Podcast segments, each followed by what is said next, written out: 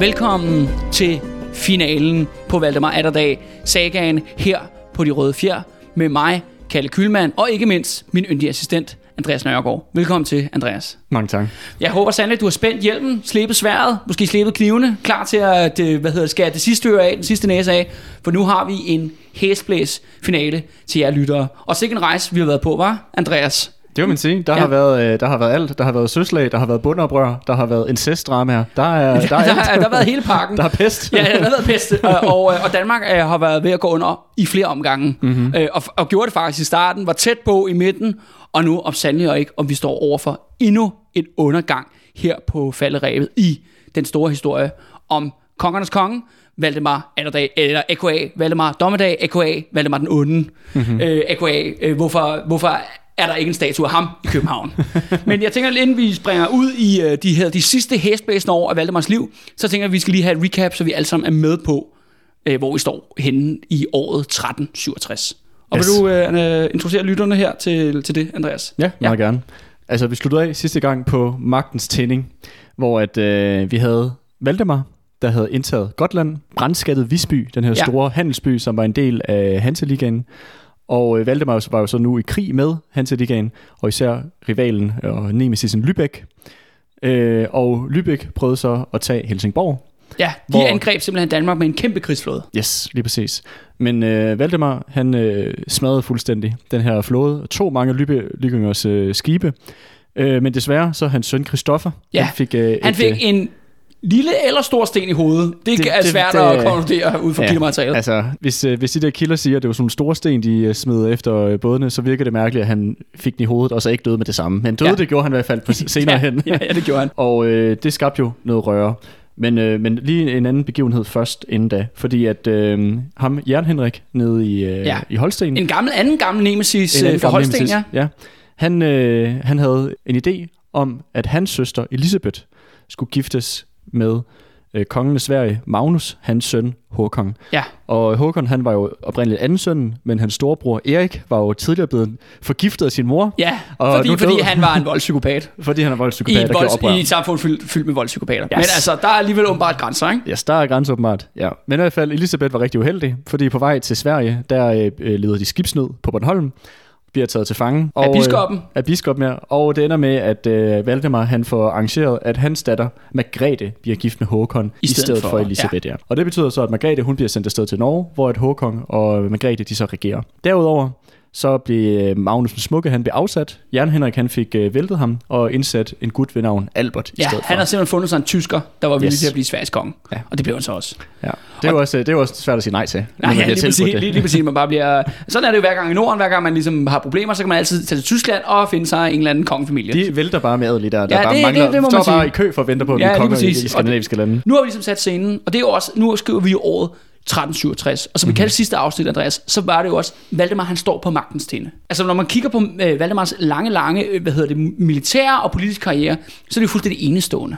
Han overtog et ikke eksisterende land. Danmark var brudt sammen, øh, var simpelthen gået i opløsning, var blevet et stort Somalia, hvor en flok holstener rendte rundt og plyndrede og dræbte til højre og venstre. Han kommer ind som en ultimativ underdog, efter at først hans ældste storebror blev dræbt i et slag, og hans anden storebror, Otto der, han endte med at blive taget til fange, efter han også havde lidt nederlag i et oprør. Ingen havde spået ham, at han skulle nå så langt, som han blev. Han blev kun indsat nærmest for at plise et oprørs bundebefolkning rundt omkring i Danmark, og nogle danske adel, øh, internt politisk. Hvorefter han har udnyttet den ene krise efter den anden. Med ingen ressourcer, med ingen penge, med ingen soldater, har han formået at generobre hele Danmark.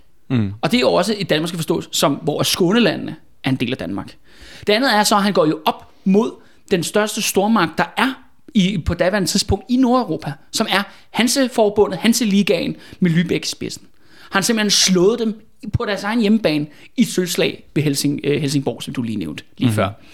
Og så var han jo så her i 1367, der var han jo så også i gang med et feltog inde i Sverige, hvor han blandt andet var i gang med at smadre Albert og, og Jan Henrik, hvor han havde Europas store del af, af Småland-området. Altså ikke Stockholm, men det der sydlige område af Sverige dernede fra.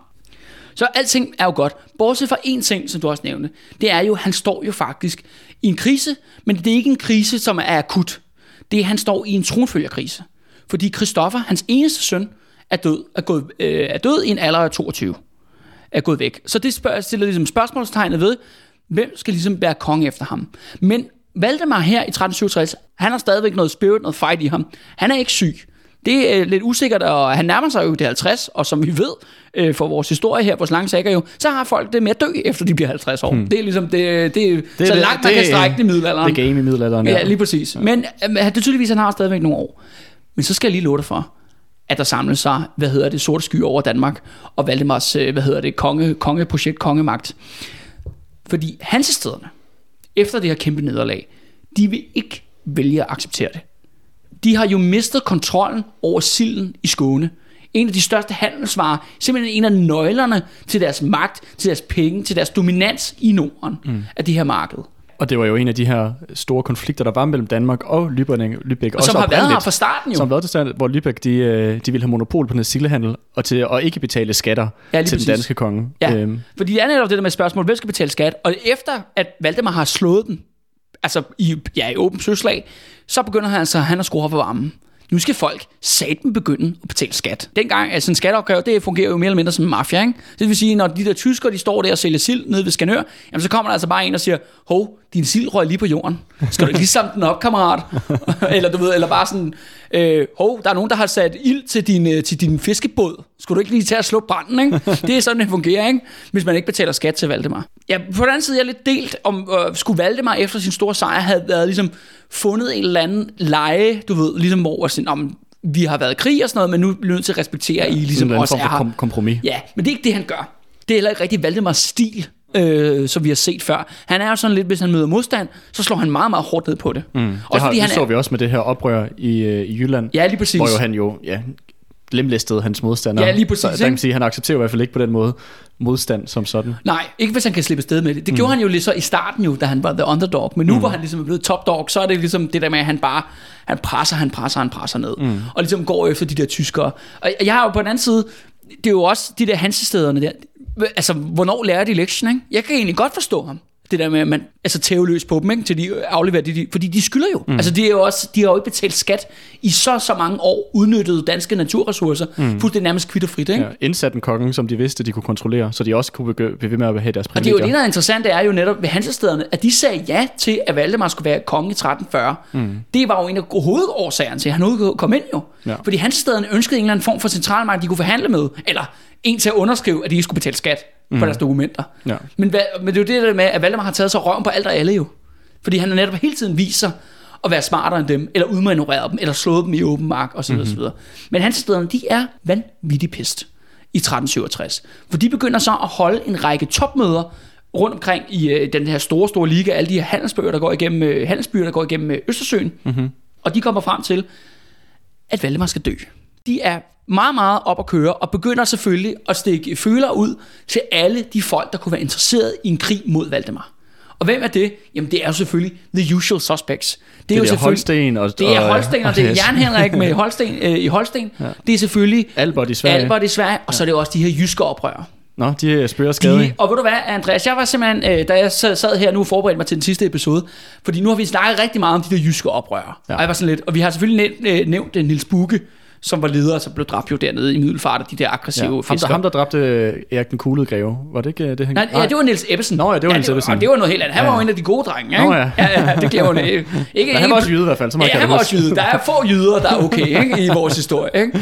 Men, men det er sandt, så begynder jeg lige at grave lidt, fordi jeg tænker på sådan, ah, det ved, jeg ved, vi ved jo godt, at der stadigvæk findes noget adelsfamilie i Danmark. Mm. Altså, de findes jo rundt omkring på slot og sådan noget, men det er også meget lang tid siden det her jo. Ja. Det er jo i 1300-tallet, og jeg fandt en række slægter, og det er så det, der hedder uradel, hedder det så inden for sådan adelsgenealogi. Øh, du ved, de har sådan, ja, ja. går meget op i stamtræ og sådan noget, ja, ja. ikke? Og jeg kan så se, at mange af slægterne er faktisk uddøde.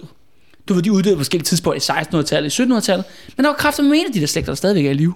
Okay. Og har et prominent medlem i den nuværende regering. Hvem er det? Ja, prøv at gætte, Andreas. Det er jo selvfølgelig et, du ved, tip, tip, tip, tip, tip, tip, tip, tip, tip, tip, ikke? Kunne det være ham der, Nikolaj Vilo? Nej, nej, nej, det er ikke ham, nej. Det er Pernille Rosenkrantz tegl. Virkelig? Det der Rosenkrantz, ja. det er sådan en gammel adelsfamilie. Okay. Det overrasker mig ikke Rosenkrantz. Det lyder også meget øh, Det lyder fornemt. også meget... Øh, ja. det har også en tysk oprindelse, så vi ja. har forstået. Ikke? Fordi, ja. at, og det, hun er åbenbart altså adelig, i hvert fald i et eller andet led ja, ja. langt ude. Så jeg siger bare, nu har der godt nok været shitstorm om, at Joy Mogensen godt kan lide Absolute Music, men hvad med den øh, chip, chip, chip oldbarnet af højforrædere, der sidder i regeringen. Kan Mette F. stole på Pernille rosenkrantz at hun ikke bare ud, ud, udråber en eller anden jysk udbryderrepublik altså, på et eller andet tidspunkt? Ja, det vil ikke overraske mig, hvis hun tjener Lybækkernes interesser den dag i dag. ja, lige præcis. så jeg vil, hellere have, jeg vil hellere have en shitstorm omkring det. Ja. Hvis vi siger, på næste ministermøde, jamen vil Pernille rosenkrantz tegn ikke lige svare på, hvordan hun forholder sig til, at hendes forfædre blev ved med at gå oprør mod Valdemar Atterdag. Men, Kongernes konge. Men var, han, var, var hendes familie, de der rosenkrantz-familier, var de en af dem, der, ja, der gjorde oprør? det skal så det er ikke hovedfamilien. Nej. Altså du ved, der er forskellige, der er nogen, der hedder Limbækkerne, og nogen, der hedder Gyldenstjernerne, og Bukke-familien, som vi har nævnt tidligere, og sådan nogle ting. Mm-hmm. Og det er jo også sådan lidt på kryds og tværs, fordi der er også, det kan man så se gentagende gange, at for eksempel, hvor Nils Bukke, han var en stor modstander af Valdemar Atterdag, så blev hans søn meget lojal. Mm. Så nogle gange er det også internt i familien, at der er nogen, der vælger side. Forstår du, hvad jeg mener? Det er ikke, det er ikke når hele rosenkrantz familien siger, nu hader vi Valdemar i dag. Nej. Så er det nogle familiemedlemmer. Den måde, man ligesom kan se det på, at de skal i hvert fald have en borg eller en herregård. Mm. For, fordi ofte har de jo mange sønner og døtre og så videre, så videre, men det er ikke alle, der er jord. Der er jo nogen, der ligesom er første sønnerne. Ja. Eller første døtrene. Ja. Altså i den der måde, det her giver. Men det er også bare et sidespring. Ja, og også bare lige for at nævne, at det, øh, det er ikke totalt irrelevant, nej, nej, nej. De at de her jyder vil med at gøre oprør. Ja, ja. Så jeg siger bare, Pernille Grosen øh, Krantz, jeg vil ikke stole på hende. Så, øh, og med de ord, så... ja, med de ord.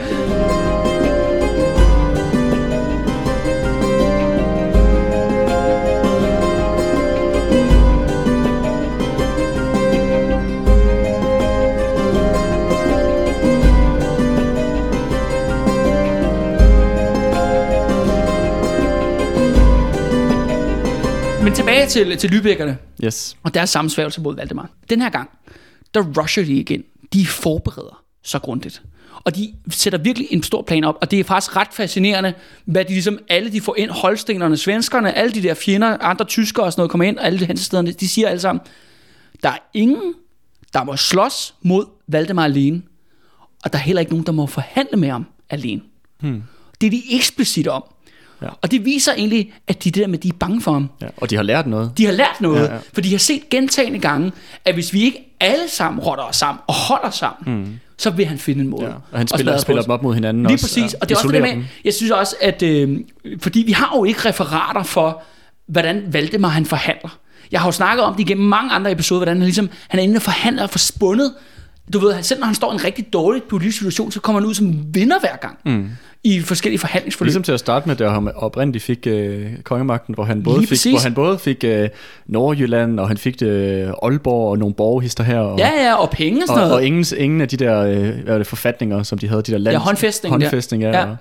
Altså, det er også det med, at han må have en, en, en tunge sølv, ikke? Eller du ved, altså, ja, hvordan fanden han kan... Øh, ja. Eller også er han bare Mr. Brown Nose, ikke? Så han kan få alle folk til at have det rigtig lækkert, ikke? Når, det er bare sådan, ah, så får du bare det, som du har det. Ja. Men den her gang, der er Lybækkerne bare sådan virkelig du må ikke, altså sådan, du må ikke være alene med Valdemar. Fordi så ender du bare med, at I bliver venner. Eller sådan.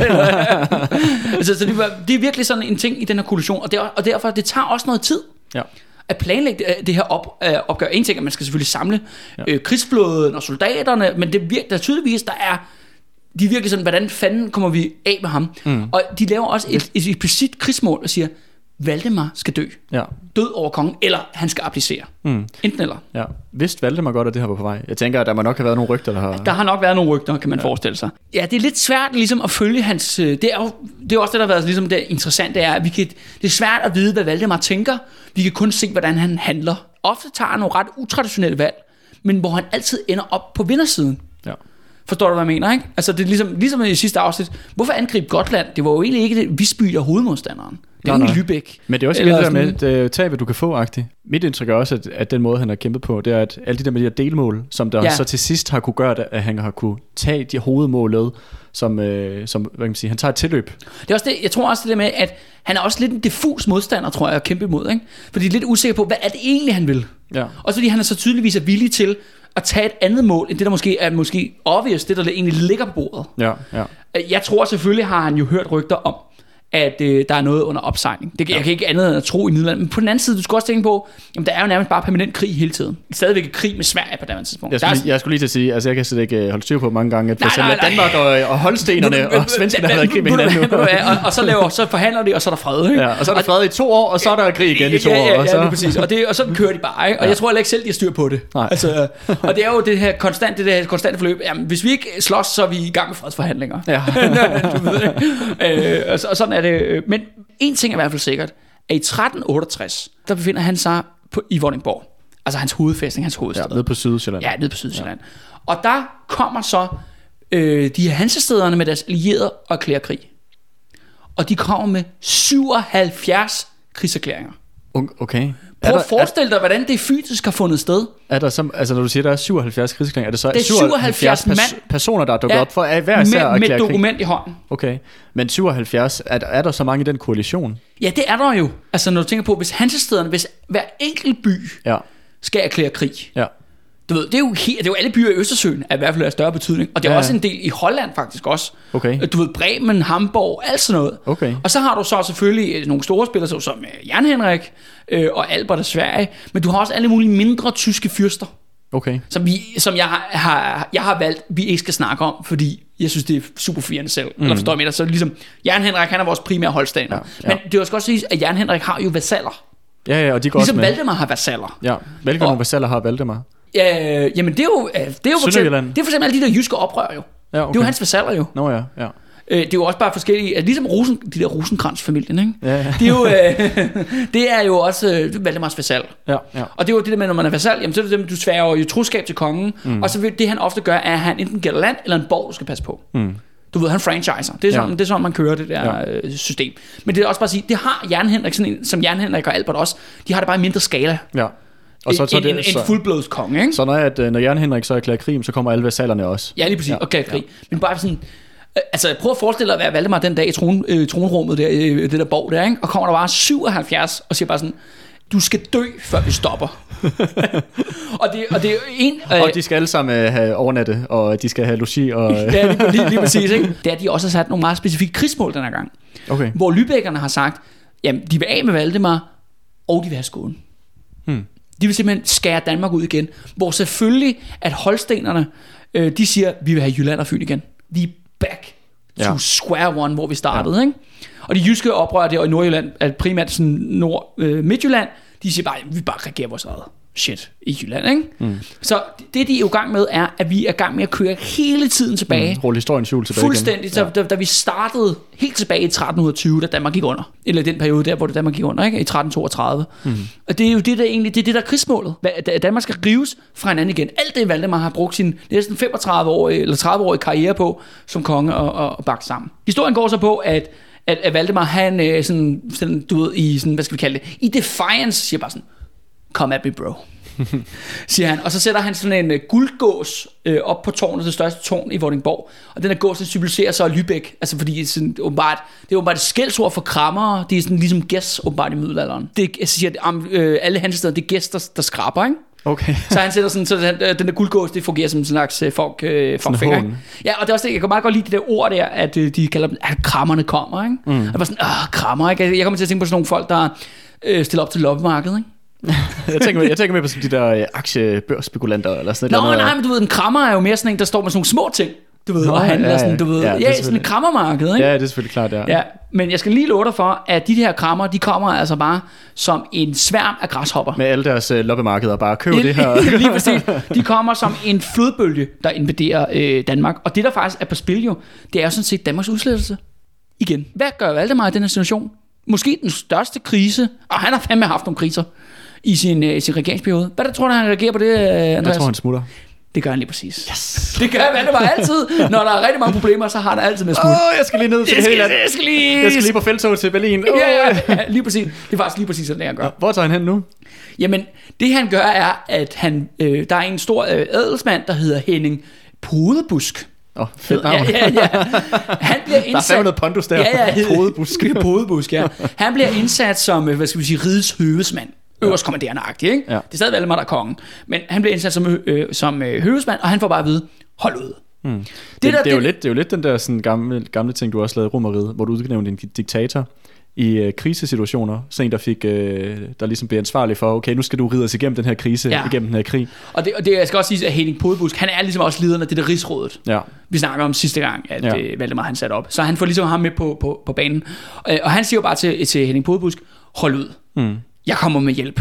Jeg, skal, ja. jeg finder hjælp, ikke? Du mm. ved, jeg drager ud og finder hjælp. Så det Valdemar han gør faktisk, han rider afsted med et meget, meget lille følge Normalt konger har jo sådan nogle kæmpe følger på mange hundrede mand, ja. og med kvinder og børn og alt muligt gøjl og vogne og sådan noget. Det gør han ikke den her gang. En lille, hvad hedder det, en lille flok af sådan nogle, skulle sige, hardcore bodyguards. Mm. Fordi det er, og så tager han rigtig mange penge med. Okay, det lyder, altså, ikke, som, han, det lyder ikke som om, han skal finde hjælp. Det lyder som om, han stikker af. ja, det gør mere bare... Du ved, han, han sætter selv ild til Vordingborg, inden, ja, ja. inden han smutter. Ikke? Hiver lige koverledningerne ud af væggen på vej ud. Ja. Don't mind me. Bare sådan, jeg tager også lige panten, inden jeg går det sidste lukkomsrulle, ikke? Så, så, så, den der smuttet. Men uh, du har den her fra, ja, okay? Henning, Henning, skide godt. Du kører bare på det, Du er uh, puderbusk, eller hvad du hedder. Du, uh... puderbusk. ja. Men, men det, de siger basalt set, er, at uh, Henning, hold ud, jeg kommer med hjælp. Og det, der så øh, kommer så til at ske nu, jo, det er jo, at du har nok set Ringens Herre. Ja. ja. Har du set toeren? Den der, ja. De to tårne, der hvor den sidste, det store slagsten Helm's Deep, mm-hmm. hvor de skal holde ud, og hvor de skal holde ud. Hvor du skal du bare få, jamen det er Henning Podbusk, der er de der inde på Helm's Deep. Okay. Og det er alle de der krammere, som er orkerne, ikke? Ja. og så venter de jo alle sammen på, at Gandalf slash Valdemar Atterdag mm. kommer ligesom og redder dem. Ja. Men det skal du så bare forestille dig gang 14. Okay. Fordi der er, jo ikke, der er kun tale om en borg jo. Der ja. er tale om hele Danmark basalt set. Ikke? Ja. Men den her sværm altså af fjender, der mm. bare ruller ind over øh, grænserne. Og så de kan ikke stoppe dem. Nej. De, det eneste, de kan gøre, er, at de kan trække sig ind på fæstningerne, ind på mm. borgene, og prøve at holde ud. Ja. Hold ud de og det var det, vi snakkede om også, at nogle af de der borg der, der kan du have 30 mænd, der holder 1000 mænd tilbage, ja, hvis ikke mere. Det er jo den eneste, det eneste logiske skridt, du kan tage ja. militært øh, på det tidspunkt, hvis du har en eller anden form for chance for at overleve. En ting er, at alle bønderne kan dø, og landet kan blive brændt af uden om borgerne. Men så længe du har borgerne, jamen, så har fjenden sådan set ikke fået kontrol over Danmark endnu. Mm. Det, er jo, det, det, det er jo hele vores historie har jo handlet altid, hele tiden om den her kamp, om de her strategiske punkter i landskabet. Ikke? Ja. Det har altid været de der de tusind fæstninger i Danmark, ikke? fordi der var tusind borge i middelalderen. Det er dem, det handler om. Ikke? Ja. Øh, men desværre kan man sige, at det er jo så ikke alle, der holder til den krammersværmen, der bare stormer ind over. Og ret prominent er, at øh, København falder. Okay. København bliver simpelthen brændt af. 18. 2. maj 1368, der falder Kø, øh, øh, København. Og det fører faktisk til total destruktion i byen. Nå. Øh, der er jo sådan den gamle, der hvor Christiansborg ligger i dag, der lå en gammel borg, det bliver kaldt Absalons borg, du ved, efter biskop Absalon, ham, ja, ja. der som har fået i hvert fald æren for at grundlage København. Den borg bliver revet ned. Okay. Den bliver brændt af, stenene bliver reddet fra hinanden af lybækkerne. Shit. Det ender med, at de tager alle kirkeklokkerne i København.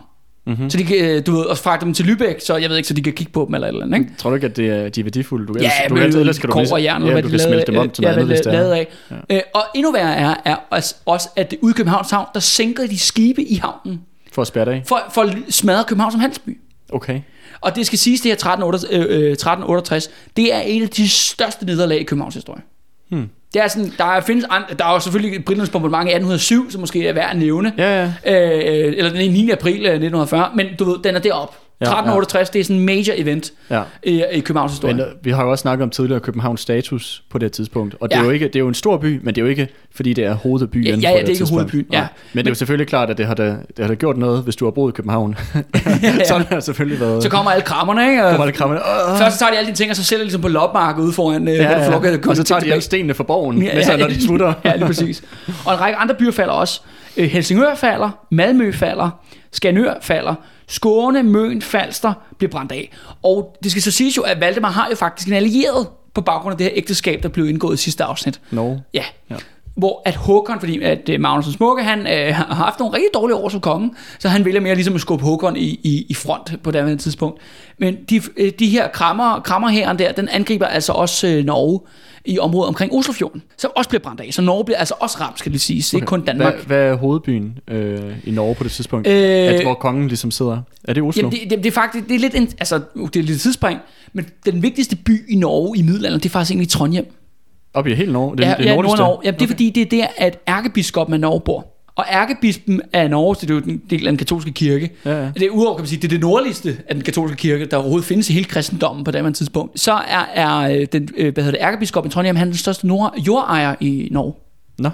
Så det gør ligesom, at uh, Trondheim er sådan et religiøst, politisk, magtpolitisk centrum. Men du har selvfølgelig Bergen, ja, som også det, er vigtig. Men det er jo en hansestad. Men ja, og det er en handelsby Ja. med mange tyskere, så den er sådan lidt, den er ikke sådan rigtig norsk, ikke på daværende tidspunkt. Øh, og så er der så omkring det der øh, øh, Oslo der, men det er fordi, der ligger nogle vigtige fæstninger.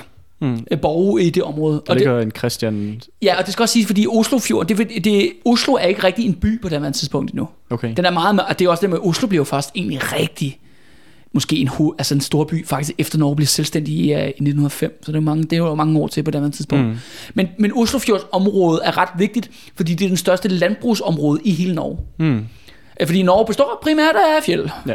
Det er svært at gro kort på fjeld. Og, ja. øh, og det vil sige, at men du har lige de der på begge sider af fjorden, hvor du har sådan et stort landbrugsområde og sådan. Ja, ja. Så det er sådan, det er meget sådan et vigtigt område at kontrollere i Norge. Okay, men når vi så har øh, Håkon og Margrethe, hvor sidder de så hen de meste tiden i Norge? Jamen, de, de er så deroppe. De er også noget, der hedder øh, Ankerhus, hedder det. Op i, op i Ja, Oslo? det jo oppe i Oslo, ja. Okay. Som er, det er fæstningen, Ja. øh, hvis du skal kontrollere den del af Norge. Så de sidder der, og det er ikke fordi, de her fæstninger bliver taget, men landet bliver ligesom brændt af. Ja. Men de, de er så altså øh, deroppe og er vidne til den totale destruktion. Og holstenerne falder jo ind i Jylland, som de så har gjort sig så mange gange før, øh, og de når faktisk helt til Aalborg og tager Aalborg. Okay. Øh, der, der er kun to borge, der holder ud, og det er Skanør og Kalø øh, borg. De Hmm. holder ud øh, på Valdemars side. Er de hele Danmark? Det er de eneste to borger, der holder ud, eller hvad? Nej, nej, altså, ja, men så har du så steder som, øh, hvad hedder det, Kalundborg, Korsør, Holbæk og Søborg, de holder også ud. Mm. Men først og fremmest, Vordingborg bliver ikke taget. Okay, det er jo hovedbyen. Og det, er også sådan lidt i forhold til, fordi at der i samtiden får øh, Valdemar rigtig meget lort for, at han bare stikker af, mm. imens det her sker. Du ved, krammerhorden bare kommer, ikke? Ja, ja. Øh, men på den anden side kan man sige, hvad er hans taktiske muligheder i den situation? Hvis han nu, lad os sige, at han var bløde, så har han jo ikke mulighed for at angribe dem i felt, fordi de bare simpelthen er så mange. Det er overvældende modstand. Mm. Fordi det er så massivt, de kommer bare. Hvad skal han så gøre? Jamen, så skal han jo gøre ligesom Henning Brudbusk, og sidde inde på Vordingborg mm. og holde ud. Men det vil jo så betyde, at hele Hansen vil gå efter Vordingborg. Ja. De vil jo, fordi det handler om at få fat død over kongen, ikke? Ja, ja. Hvis vi vil have Valdemars øh, hoved på et fad jo. Ja. Det vil sige, det vil tiltrække alle folk til at angribe det der ene sted. Og selvom Vordingborg var den stærkeste fæstning i Danmark på daværende tidspunkt, så tvivler jeg på, at det ville kunne holde til, når, når, når lys... Samtlige øh, 77... Ja, ja, og det øh, skal også siges, ja. at øh, en af grundene til, at de kan tage så mange borge, det er, at øh, ligesom de gjorde i, det der, i slaget ved Helsingborg i sidste afsnit, de har vanvittigt mange kat- katapulter med hmm. og blider med, fordi tyskerne er bare top notch, når det kommer til det der militærudstyr der. Ja. Det er altså, der er de ret sådan førende, i hvert fald i vores del af, af Europa i hvert fald, Ja, ja. Øh, med at bringe det udstyr. Så der er ingen tvivl om, at Vordingborg vil jo falde øh, på et eller andet tidspunkt. Men fordi at Valdemar ikke er til stede nogen steder, jamen så vælger de selvfølgelig at sprede sig ud. Mm. Og nogle steder vinder de så, men andre steder gør de ikke. Ja, så det er egentlig, så på dem sige, hans, hans strategi ved at, Han ved at det vel han en, fjerner et oplagt angrebsmål. ja, ja. han gør og det fjerner meget- vel stro- fokus for angrebet. Ja, lige præcis. Ja. Og det er jo faktisk, kan man sige, det er også det, der lykkes. Mm. At han fjerner fokus. Selvom de indtager rigtig mange steder. Øh, og de er totalt dominerende på slagmarken. Men de er sådan ligesom, hvad skal vi kalde den, den der endelige sejr, den, ligesom, den, den, den fiser ligesom ud af fingrene på dem. Mm. Valdemar er så render Hvor, hvor er han henne? Jamen han, render, ja. Jamen han er jo øh, konstant på landvejen, og det skal jo så også sige, at han bliver jo øh, jagtet rundt i Nordtyskland. De er jo bare sådan, find ham, find ham. Nå, er, er han taget til Tyskland? Han er taget til Tyskland. Altså han, er jo, han er, befinder sig i udkanten af, hvad skal vi sige, hansestedernes områder Okay. i, i, uh, i Nordtyskland. Og det han gør faktisk, fordi han har en masse penge med, at han køber alle mulige lokale grever til at angribe hansestederne i deres bagland. Okay. Altså som, som baghold. Fordi han har ikke nogen her med dernede. Nej, nej. Du ved, han rejser sådan let fra sted til sted, siger til en eller anden røverbaron, du ved, angreb ind og brænde Lübeckernes område af, eller nogle Ja. af de andre hansesteder. Ja, ja. Og det, gør, og det får han faktisk også mange til at gøre, men, der, men de, de der små grever og tyskere der, ridder der, de bliver altså slået alle sammen. Han får, han får startet en masse ballade, men det får ikke rigtig nogen effekt. I hvert fald ikke militært. Det er ikke fordi, de indtager en af hansestederne, for eksempel. Det er de simpelthen ikke øh, stærke nok til. Og så kommer så spørgsmålet op her, sådan når vi skriver sådan, øh, fordi i 1369, fordi så kan vi sige, krigen var videre, og der falder for eksempel Helsingborg falder der. Det bliver simpelthen sultet til overgivelse. Okay. Øh, og det vil sige, at Helsingborg er jo hovedfæstning i Skåne. Så det vil sige, at den landsdel er sådan set effektivt tabt. Så hele, hele Skåne, Halland, Bleking er væk. Ja, lige præcis ved, ved, ved at der Helsingborg øh, falder. Og der kan man sige, der, øh, der når øh, Hansestederne også ligesom, hvis vi kalder det en, en militærtræthed, militærtræthed, øh, militartræthed. Fordi de egentlig opnåede det, de ville have, det var deres angrebsmål. Ja. Det de opnåede, men de andre har nemlig ikke op, opnået deres angrebsmål. Mm. Du ved, Holstenerne og Jysk oprør er ikke i total kontrol med Jylland. Ja, så der er masser af fæstninger, der holder ud alle mulige andre steder rundt omkring i Danmark. Så den der koalition begynder ligesom at falde lidt fra hinanden. Ja, de er sådan lidt mere, de er lidt mørbanker, hvor fanden er Valdemar henne, ikke? ja, ja. Øh, men der kommer så op på tale om, fordi de er meget sådan, de der øh, hansesteder, de begynder så at tage kontakt til Henning Podebusk og de andre danske adelsfolk i rigsrådet, som er lojale over for Valdemar. og siger, at vi er for villige til at forhandle om at finde en eller anden løsning på det her spørgsmål. Men Valdemar, he's gotta go. Mm. Og der siger de sådan, han skal, nu siger de, okay, det kan være, at vi dropper den der øh, meget spekulære henrettelse, vi har planlagt øh, nede i, på Lübeck Torv af ham. Øh, nu går de frem, frem til at sige, jamen, han burde abdicere. Mm. Og det store spørgsmål er faktisk, det næste år faktisk, indtil i 13, 1370 øh, og 1371, skal Valdemar abdicere. Skal han opgive kongekronen. Hvad, hvad siger det der rigsråd? Det er jo, problemet er, at det er lidt sådan en catch-22 med det her, fordi når du først har sværet loyalitet til kongen, så kan du ikke bryde din ed jo. Det gør så Rosenkrantz og alle de andre mm. øh, idioter over i Jylland. Ja. ja og, det er jo, og det betyder, at de er jo niding. De begår menighed. Ikke? Det, er jo, det er virkelig grov forbrydelse i middelaldersamfundet. Ikke? Ja, ja. Men de andre har ikke. Det skal også siges, at du kan kun abdicere som konge, hvis du selv gør det frivilligt. Du kan ikke blive tvunget til det. Nej, men det er jo også det, der er interessant, er, at Valdemar står nu i den samme situation, som hans far stod i. Hvad var det nu, hans situation var? Ja, Kristoffer den anden der. Ja. Det der med, at han var jo ligesom var presset ud af Danmark. Ja. Han var presset ud, han var gået i eksil i Tyskland, ligesom Valdemar. Kristoffers øh, valg var så, at du skal være lydekongen. Mm. Du skal være under tommelfinger. De er sådan, du skal abdicere. Ja, han blev indsat. Gjorde han ja, ikke det? Ja. Nej, nej, nej. Han, han blev konge, og så smed de ham ud, og sagde, så, så, så, så kommer han ligesom tilbage, så skal du være lydkonge, og så oh, kan han så oprøre alligevel, og så leder ja, ja, ikke? Ja, ja. Så det er jo egentlig den, det er jo den præcis samme situation, hvad er det, han står i nu? Han er blevet ligesom sin far. Vi er kommet fuldstændig fuld cirkel nu, ja, ikke? Ja, ja. I vores historie, og det der spørgsmål, skal han, han øh, øh, abdicere? Øh, og det kan man så også se, at det der med rigsrådet lige pludselig er blevet en politisk spiller på, på, på, øh, ligesom på, på banen, ikke? det er, at de faktisk indgår en fred med kun hans stederne. Okay, så det er også den her øh, krav med, at man ikke må lave separate aftaler øh, i frihedsforhandlinger. Den, den bryder Lübeck Den bryder sig selv. sammen, ja. og det er så interessant, er, at det er den stærkeste part i den her koalition mod Valdemar. Det er nemlig hans stederne, der ja. ligesom falder fra. Ja. Det er Henning Pudebus, han giver dem, han siger, I får Skåne for 15 år. Så igen pansatte han det? Ja, ja, nej, men det er mere sådan en, en direkte afståelse. Okay. Men når så 15 år er gået, så skal Skåne leveres tilbage kvitterfrit. Okay. Ja. Og, og, det, og, og det er jo gået helt vildt godt før med at give de der øh, sådan, ting på, øh, på lån tid. Ja, det kan man så sige, ikke? Men det, altså Lübeck er jo meget umiddelbart interesseret i jo bare at have kontrol med silden. Ja, det er Men de er meget sådan, de kan godt se det der med, jamen hvis, hvis kong Valdemar ruder rundt op i, øh, i Skåne, ligesom baglandet, så skal nør, jamen så kommer der problemer på det ene eller andet tidspunkt. Jeg tror måske også meget realistisk, at han til stedet siger, jamen okay, vi kan udplinde det i 15 år, men det er også måske meget godt for en afslutning, for de kan også bare se, jamen, det er jo det hele den her periode, hvor Valdemar allerede kommer ind og får magt. Det er jo det, det beviste jo. Det er, at du kan ikke holde Danmark. Mm. Nu skal det så siges, at efter den her episode, så kommer der en anden episode, hvor vi går lidt mere ind i, hvad vi sådan tænker omkring Valdemar, og hvad, hvad hans betydning har haft. Ja. Gert Kuldegrev helt tilbage, du ved, i første episode, det, men han må måske bygge et nyt imperium. Mm. Du ved, det kan måske være, der var potentiale det, men for hans stederne, som egentlig ikke er interesseret i at dominere land, de er interesseret i at dominere handel. Ja. Men problemet er det der med, at det er, de, hvordan skal vi knække danskerne? Hvordan skal vi smadre dem så effektivt, at de, de lærer sværere, og så vi ikke skal betale skat? Jamen det bliver altså, aftalen bliver så, at man afstår skole i 15 år. Mm. Og der bliver sådan set indgået en fred. Den, den, den, den, den aftale falder på plads. Jamen der bliver øh, Valdemar Atterdag sådan set øh, stillet over for et ultimatum af Rigsrådet og hans stederne. Og, han siger, jamen, det, og de siger også, jamen hør, hvis du ikke har underskrevet den inden sommeren 1371, så er der bare krig igen, og så dræber vi alle sammen. Okay, det er så det, der, ligesom det, det, noget, øh... Og Valdemar sådan, jeg vil ikke. Jeg vil ikke, jeg vil ikke, jeg vil ikke. Men vi vil ret til at sige, nej, det vil jeg ikke, det vil jeg ikke, det vil jeg ikke. Fordi jeg kan godt se, at det, ligesom, det er jo en kæmpe, et, et stort nederlag for ham, ja, hvis, han skal, hvis han skal afstå det. Men til sidst, så ender han med sådan, altså skal han under. Hmm. Så han afstår Skåle, Halland Bleking til hans stederne, men han bliver så stadig på tronen. Det gør han. Han kommer hjem som konge.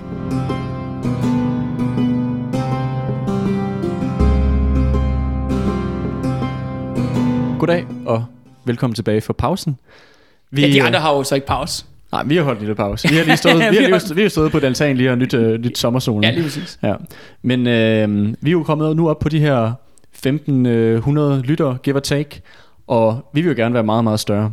Men øh, som I måske har bemærket, så har vi ikke nogen sponsorer, der kaster penge ned i øh, vores lommer. Vi må sige det som det er. Mig og Kalle er ikke de store øh, social media øh, har jeg. Nej, nej, vi, vi har ikke øh, den vilde Instagram-profil. Vi har hverken Instagram, øh, Twitter eller andet, og vi kan knap nok... Øh, formidle vores egen personlige Facebook-konto. ja, øhm, præcis. så, øh, så man kan sige, det som, hvis, hvis vores øh, podcast her, det, det som vi ser som styrken, det er indholdet. Ja. At, øh, at det er det, som vi bruger tid og energi på. Det er ikke at lave Facebook-reklamevideo øh, eller andet. Det er sådan set at sørge for, at de her afsnit, at de bliver så underholdende og så informative for jer, der lytter ja. med derude. Så, det, handler, det handler jo om de gode historier. Det handler, det handler om, om de der og de her... Og interessante ja, og chokerende. Chokerende og ja. anderledes. Øh, en mere, hvad skal vi kalde, en mere brutal, men måske også mere ærlig Danmarks historie. Præcis. Så øh, hvis den her podcast, den skal kunne blive ved med at levere lige så godt og endnu mere indhold til jer derude, så vil jeg opfordre jer på det, øh, det kraftigste til at sige det videre til en ven, en kollega, familiemedlem, hvem det måtte være, som I tænker, der kunne være interesseret i at lytte med, ja. så vi kan blive større, så vi kan udgive mere. Og, øh, så, øh, ja. ja, for vi har også den arrogante tanke om os selv, at vi faktisk godt kunne være mange flere lyttere. Ja, og, ja. og udgive flere episoder. Og udgive flere episoder. Ja. Det kunne være super fedt. Ja. Og så den forbindelse, så vil jeg også bare sige, at øh, som jeg sagde i sidste afsnit, at det, der, ja, de røde fjer havde et års fødselsdag, at øh, jeg vil lave en byvandring, øh, for ligesom at, kan man sige, markere det og fejre det, eller hvad skal vi sige. Og den har jeg faktisk også planlagt nu, at den kommer til at foregå den 17. juli. Det lyder rigtigt. 17. juli. Det er en fredag, så meget kan jeg afsløre. Øh, fredag, og øh, det er sådan, at for ligesom at komme med, til, hvis man synes, at det kunne være fedt, det er en tur, der kommer til at handle om Titgen, det kommer til at handle om Estrup, og det kommer til at handle om Richard Jensen. Mm-hmm. De, nogle af de tre personer, jeg har ævlet rigtig meget om i løbet af det sidste års tid. Og ligesom komme ud og se, hvor var det henne, de bygninger, de har sat i København, øh, ligesom det aftryk, de har sat på København, og ja, og ligesom, skal vi kalde det, gå lidt mere ekstra ind i, i det univers. Mm. Øh, og det glæder mig rigtig meget til.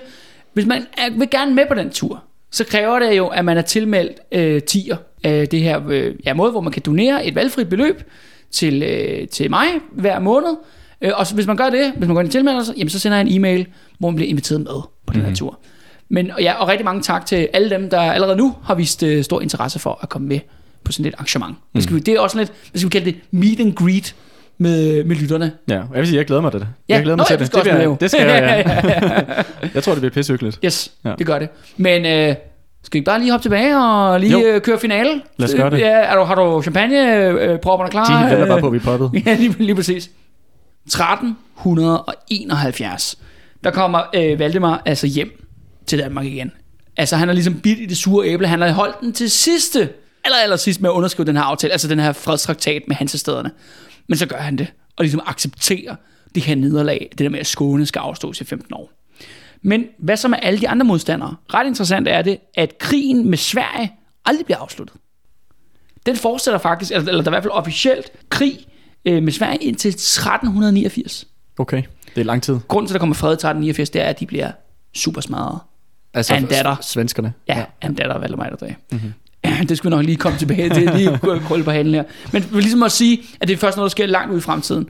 Valdemar han vender sig så over mod øh, selvfølgelig Holstenerne jyske oprør, og kører en, en, et feltog, der var et års tid vi ved ikke så meget om, hvad der er foregået, udover at han vandt. Konspirationen om at dræbe Valdemar, skille sig af med Valdemar, ligesom faldt fra hinanden med, at Hansesteden ligesom hoppede af og sagde, okay, nu har vi ligesom fået, hvad vi mm. vil have. Så kan de andre jernhenrikker, de der folk, de kan ikke klare sig mod ham alene. Mm. Øh, der, er en række, der er en interessant historie, hvor, at, øh, hvor Valdemar er, nu skal jeg også sige, han er ældre her, nu er han jo over 50 jo. Mm-hmm. På, på Exceptionelt gammel. Ja, så vanvittigt gammel, ikke? Øh, men der er en historie, hvor de er i gang med at belejre en eller anden borg, og så bliver han bare øh, beordret storm. Og øh, så bliver der bare dræbt rigtig mange, altså i den der storm, men borgen bliver ikke taget. Og så er der så nogen, der henvender sig til øh, Valdemar, nogle adelsmænd, tror jeg, og siger sådan, okay, er du ikke sådan lige, lige liberal nok med de der menneskers liv? Så siger han bare sådan, jamen det er jo bare bønder jo. Deres mødre er jo stadigvæk i live. Så det vil sige, at der stadigvæk kommer flere. Ja. du ved, Fedt. ja, fedt, fedt. Ja, altså, det virker, altså det, jeg ved ikke, om det passer jo, men det er sådan en historie, der går det ja. med, okay, han, er bare, han, var, han var i hvert fald villig til at spille skak, og miste nogle bønder, når ja, han spiller skak, ja. ikke? Men uh, det siger jo nok noget mere om hans uh, tilgang til det her. Ja, eller det kan jo også måske bare være sådan et blik på, hvad, hvad overklassens idé er om bønderne i den samfund, ikke? For det er, jo, det er jo et samfund med hardcore klasseskil. Mm. Men det er i hvert fald sådan en historie, og, og den passer jo meget godt ind i vores fortælling om Valdemar den Onde. Ja. Fordi det vil jo sådan noget, Valdemar den Onde vil sige. I 1372, der belejrer han en borg øh, over ved Gram over i Jylland. Øh, en mindre, ikke en stor borg, en mindre fæstning. Men det er så vidt vi kan se, første gang, at krudt optræder i Danmarks historie. Okay, på hvis side? Tyskerne ja, Nej, fordi det bliver nævnt, det, det er inde i fæstning, og den bliver så holdt af holstenerne. Hvor det bliver nævnt, at der er en fyr, der bliver hængt, fordi han er skudsløs på krudtet. Okay. Så, det, øh, så man må antage, at, der er blevet, at, at ja, det må øh, antage, at der har brugt krudt. Der har været krudt, eller der har været krudt i en eller anden forbindelse med den her belejring. Hmm. Og det er jo så svært at sige, jamen er det så noget, der skal, altså er det noget, de har brugt som eksplosiver, altså noget, de kunne, en håndgranat, eller noget, den stuer, øh, noget, de har måske tønder, de har kastet med, eller er det måske en decideret en kanon? Hmm. Det er ikke til at vide. Men det var ret interessant, at vi lige sådan her på falderæbet lige nævnte, mm. at nu, nu er faktisk gruttet også kommet til Danmark. Ja. Og det var, kan man sige, det var også lidt en, en Danmarks historisk øh, begivenhed, ikke? Kan man sige, det blev de ret vilde med senere hen i hvert fald. Altså Ja. det der med krudt og kugler i hvert fald, ikke? Og er det stadig i dag, kan man Ja, sige. ja, ja stadigvæk det. Ja, ikke, ikke, ikke ej for glemme. Men han, de bliver lige så besejret, og det er også sådan, hvad, hvad gør Valdemar? Fordi det skal siges, at Valdemar, han begynder jo at mærke alder, der ligesom begynder at, at, at, at tynge ham. Mm. Øh, og, øh, og det er mere, nu har han ligesom slået holstenerne, han slået det jyske oprør ned, altså de har sværet endnu en gang han slået det jyske oprør ned, de har sådan, okay, de kommer tilbage ind i folden. Øh, det siger noget af det sidste, han gør, det er, at han går lige ned og smadrer nordfriserne, god gamle. Ja, sumfolket. Ja. Sumfolket, fordi de bliver ved med ikke at opføre sig ordentligt, og så nogle gange så bliver man lige nødt til at massakrere eller brænde en landsby af eller to, ikke? for Mhm. ligesom at sende et statement. Men det er sådan nogle ting, han render rundt og laver de sidste år. Men hovedspørgsmålet er jo, hvem skal have kongeriget Danmark? Godt nok, kongeriget det er øh, uden Skåne, men med Gotland, hvilket er meget sjovt, det forbliver så en, Ja. ja. en, del af Danmark, ikke? Ja. Øhm, det forbliver sådan set en del Så, af så hvis man lige skal gøre status, så hele Danmark bliver jo ikke reddet fra hinanden, ligesom planen ellers oprindeligt havde været. Nej, det er jo det der med, når han, Valdemar sidder stadig på Ja, tronen. da han kommer hjem, da Lübeckerne får Skåne, så kommer han hjem, og så ruller han jo lige så stille og roligt alle de der tilbage.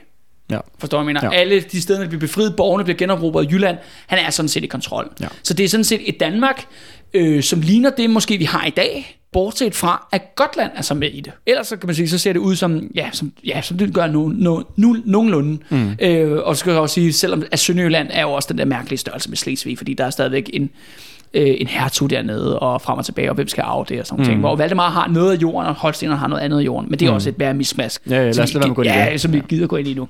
Men spørgsmålet er, hvem skal så have den danske kongemagt? Fordi der er jo ikke nogen mandlige arving. Og der er ligesom, øh, øh, tegner sig, der er to muligheder nu. At simpelthen gå igennem kvindelinjen, fordi Valdemar har jo to døtre, mm. som stadigvæk er, øh, ja godt nok er den ældste af dem, Ingeborg, mm. hun dør i 1370. Og jeg ved ikke, om du kan huske det, Andreas. Men for lang tid tilbage, så sagde jeg, at, øh, at hun blev jo gift med en hertug nede i Pommern. Ja. Og det er jo ret interessant er jo, at hun er jo sådan set den ældste datter, men hun bliver gift med et sværere parti, altså politisk parti, end Margrethe gør. Og det siger jo noget om Valdemars politiske, magtpolitiske rejse igennem, der, altså gennem hans kongetid. Ikke? Mm. Fordi da Ingeborg bliver gift væk, jamen der er det meget fedt at have en, øh, du ved, en støtte nede i det tyske område, som ligesom kan hjælpe en eller anden hertug dernede. Men Margrethe, som bliver så gift mange år senere, fordi hun er jo efternøler, skal man huske på. Ikke? Ja, ja. Hun blev så gift med jo med den norske konge, mm. Håkon ja der, 6. der, man har taget et uh, skridt op af Ja, lige præcis. At det, der, er så forskel, der er fandme forskel på at gifte sin, sin datter med en hertug, og så gifte sin datter med en konge. Ja. Men Ingeborg er sådan set den ældste, på trods af, at hun er død her, og hun har jo så fået en søn, mm-hmm. der hedder, sjovt nok, også meget forvirrende, hedder også Albert. Okay, ligesom, ligesom, ligesom op i den, Sverige. Ja, ja. ligesom den, øh, den tyske konge, der er i Sverige. Ja. Der hedder også Albert. Øh, så han er ligesom oplagt som tronkandidat. Men kan man så sige, den 20-årige, 21-årige Margrethe nu, som faktisk er blevet voksen efter, hun jo som 10-årig blev smidt til, til Norge der, til Mhm. Ankerhus, hun har fået sig en søn med Håkon Okay. som de kalder Olof. Men han er jo en lille bitte barn. Ja. Albert er jo faktisk en ung voksen mand på det tidspunkt. Så der er ligesom, du har ligesom den her mulighed, hvor du siger, jamen skal vi, fordi Ingeborg er så død jo, men du kan få en voksen tysk mand, mm. eller du kan få et lille norsk barn. Oh, hvad? Choices, choices, choices. Øh, og Og det er man jo kan lige, sige, at det er også lidt... Ved det ene, der får du en, øh, et, øh, et forhold til en, ja, en, en tysk adelsfamilie. I den anden, der får du et kongerige med i køb. Ja. Altså, det, er jo, det er jo ligesom det, der er på spil, Ja. og det har nok også været magtpålæggende, men ret interessant er det faktisk, at Margrethe kommer tilbage til Danmark mm. i 1374. Der kommer hun simpelthen på officielt statsbesøg. okay. med Olof. Og det er jo så sidste gang, de mødes, øh, møder hinanden. Og jeg siger bare, Andreas... Hvem- Valdemar og... Ja, Valdemar ja. modtager sin datter, og det er jo, da han så hende sidst, var hun 10 år. Og så kommer hun tilbage nu som 21 år med et barn på armen, ikke? Mm. Som øh, du ved, skal være kongen af Norge en dag. Mm. Og de to har så et, et længere møde, eller nogle dage, hvor de er sammen. Og ved du hvad, Andreas? Jeg ville dræbe for at være med til det møde. Jeg vil dræbe dig for at være med til det møde. Jeg vil give meget for at være en flue på væggen til det der, fordi den her, hvad skal vi kalde det, sammenkomst mellem Valdemar Atterdag og Margrethe, det er jo måske det vigtigste møde i Danmarks historie. Eller i hvert fald, den burde i hvert fald være deroppe på top 10, top 5 mm. listen. Øh, fordi hvad, hvad diskuterer de to? Hvad er det for nogle planer, de sætter op? Vi kan, jo- det, er jo, det er jo også det der med, hvad kan vi jo så se, hvad der blev af Margrethe? Man kan sige, man ved ikke, hvad de snakker om, men, øh, men konsekvenserne af, hvad Vi kan der, se, hvad, der, er hvad der fulgte- resultatet. Ja, resultatet er. Øh, øh, men igen, vi ved jo faktisk ikke, hvad, hvad der øh, bliver sagt. Men de, når, men de har så nede på besøg, tager hjem igen, og så, ja, næste år, altså næste år, 1375, hen på efteråret, der øh, bliver Valdemar syg. Øh, der er han jo en gammel mand på 55 år. Hvad er vi, hvilket år er vi nu? 1375. Okay. Han har været konge i 35 år. Mm-hmm. Han, har været, han er 55 år gammel. Øh, og han bliver syg og går op øh, til øh, Gura Slot, som er sådan noget, et slot, der ikke findes mere, men det ligger lå op i Nordsjælland. Mm-hmm. Og var mere sådan, hvor Vordingborg var hans festning, så var Gura ligesom hans lyststed. Sådan det der spa-resort. Ja, party, partyområdet, ja. ikke? Du det var klamydia-kastellet. Ja, ja, ja, ja, ja. Eller hvad det hedder, øh, Søpavillonen. Ja, Søpavillonen, det hedder jo Klamydia-slottet. Nå, Klamydia-slottet. ja, ja, ja, lige præcis. Det var det, han øh, hyggede sig. Øh, og der er han så syg, og der kommer så spørgsmålet og siger, jamen, kommer adelsfolk, du ved, Henning Podebusk og sådan nogle ting, de kommer ind. Mm. Og fordi han er så stadigvæk en stor mand i dansk politik på det andet tidspunkt. Hvem skal det være? Albert eller Olof? Og der siger så Valdemar på sit dødsleje, det skal være Olof. Mm. Og han dør så den 24. oktober 1375. Og lige så snart den nyhed når ud til hele Nordeuropa, så sker der forskellige ting. I Holsten, i, øh, hvor Jan Henrik er, der bliver det fejret som en national festdag. Okay. Kirke, de ringer med kirkeklokkerne, og du ved, folk får fri. Eller du ved, ikke? Altså, der er national helligdag. Og Jan Henrik, han er bare sådan, hold nu kæft, der forsvandt den største djævel på jorden, eller sådan noget. Ja. Siger han. Du ved, det er sådan noget, de græder rundt og siger i Holsten, ikke? Der er også øh, generelt store klapsalver oppe i Stockholm, hvor folk er også bare sådan, yes, Valdemar den onde der er, sådan, der er sådan en spontan, øh, spontan masse jubel. jubel. Nej, ikke på Gotland dog, for så bliver det undertrykt, ikke? Ja. Det, det, der skal man sørge for, at det er ens konge, der dør, ikke? Øh, men Margrethe tager så fra, fra Norge til, øh, med, med, med Olof. Håkon han bliver tilbage i Norge, øh, tager med øh, til Olof til København. Og der indtræder hun som ja, regent. regent. Mm. Fordi Olof er et lille barn, så han er mindreårig, så hun bliver fru formønder, som det hedder. Ingeborgs Albert nede i Nordtyskland, han laver selvfølgelig en masse for os, og når faktisk at sende krigserklæringer ud til alt og alle. På vegne af Danmark? Ja, når man siger, jeg er Danmarks konge. Mm. Jeg har, og det har han faktisk hvis du skal gå. Det er allerede, det er, allerede, det er sketchy, når vi alle kommer ud ja. i kvindelinjen. Ja, ja, men sådan rent formelt set, så har, rent han, formelt, så har han, han, han, har et, et stærkere ja. argument for, at ja. det er ham, der skal være konge ja. i Danmark, ja. end det her barn, øh, Olof. Men det, der så sker, er, at i Norge og i Danmark, hvor de to forskellige adelsfolk, altså Rigsrådet Danmark og den norske adel, og øh, først og fremmest også den norske kirke, mm. altså med, med ærkebiskoppen der i Trondheim, de er, de er enige om, at det skal være Olof. Mm. Fordi det er klart, at hvis vi slår de her to kongedømmer sammen, jamen så vil de jo stå jo meget stærkere mm. i Norden politisk. Valdemar, han får en mm, faktisk utrolig simpel begravelse. Okay. Det bliver ikke det store uh, extravaganza, man havde kunne forestille sig, når sådan en monark han forlader verden. Han, får, han bliver begravet i en meget, meget enkel grav i Vordingborg. Hans hovedfæstning. Ligger, Æ, ligger den der stadig, den grav? Nej, det gør den ikke, fordi i 1377, altså nogle år efter Valdemars død, der beslutter Margrethe sig for, at han skal sendes til Sorø i stedet for.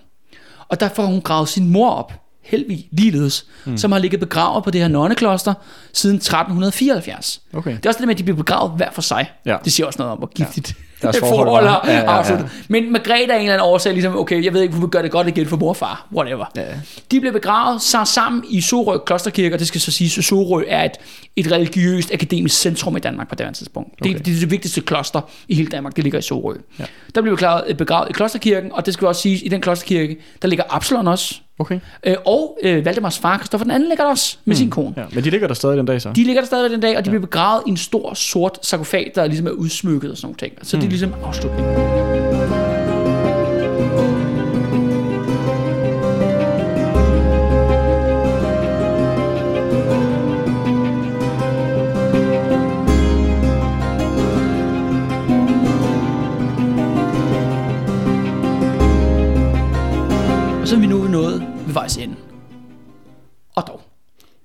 Fordi i 1659, der stod Danmark over for endnu en undergang. 1659. 1659. Så er vi hoppet lidt op nu. Vi er hoppet rigtig langt frem i ja. tiden nu.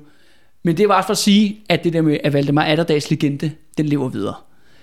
Fordi der er Danmark blevet besat af Sverige. Hele Danmark er blevet besat, undtagen København. Der kæmper en overlevelseskamp, hvor den svenske konge på det tidspunkt, der hedder han hedder Karl Gustav, han siger, jeg vil jævne København med jorden og sprede salt i jorden. Ligesom, øh, København, ja, ligesom lydbækkerne. Nå, ja. salt ved jorden, det er jo det, som romerne gjorde ja, ved Karthago. Ja, ja, ja, ja, det gjorde ved Karthago. Ja, men du ved, det er sådan dommedagsproportioner, ja, ikke? Ja. Og han siger, jeg vil skære Danmark fra hinanden. Øerne skal til, til Sverige, og måske skal Jylland til Tyskland. Det finder mm. han ud af, når han er ligesom er færdig med at smadre ja. det. Og Danmark er fuldstændig slået tilbage. Der er i sådan en situation, ligesom med dengang med Holstenerne, der bliver plyndret, der bliver dræbt, der bliver voldtaget, der bliver brændt af alle mulige steder rundt omkring i hele Danmark. Det er en meget, meget forfærdelig tid at leve i. Så betyder det selvfølgelig også, at så kommer der et svensk, svensk soldat til Sorø, der er ved, ved plyndre byen. Da de kommer til Sorø Klosterkirke, der går de direkte forbi Absalons grav, de går direkte forbi Kristoffer den grav, så går de hen til Valdemar Atterdags grav, og så vandaliserer den. Hmm. De åbner den, smider knoglerne ud, yder faktisk massiv herværk på den. Der har stået en masse skrift og været en masse male på det her gamle, det her, øh, hvad hedder det, sort marmor. Det slitter de, det smadrer de. Okay. Og det er den eneste grav, de gør det med. Hmm, der har været noget uh, bad blood. Lige præcis. og det er så hele pointen. Du ved, nu skal vi også til, har, kommer en episode efter den her, hvor vi skal ligesom snakke om, hvad har han betydet hmm. for, øh, ja, for os personligt, men også for Danmarks historie, eller hvad skal vi sige. En svensk soldat i 1659, som ikke kunne læse og skrive, som ikke har haft nogen tænder højst sandsynligt, og som højst sandsynligt har haft 70 forskellige kønssygdomme, ved, hvem Valdemar Atterdag var. Mm. Og hvorfor er lige, det er Valdemar den onde det der. Det er hævneren for Gotland. Hans grav skal vandaliseres. Ingen af de andre grav. De ved mere om, hvem den største konge er i Danmarks historie, end danskere de gør den dag i dag.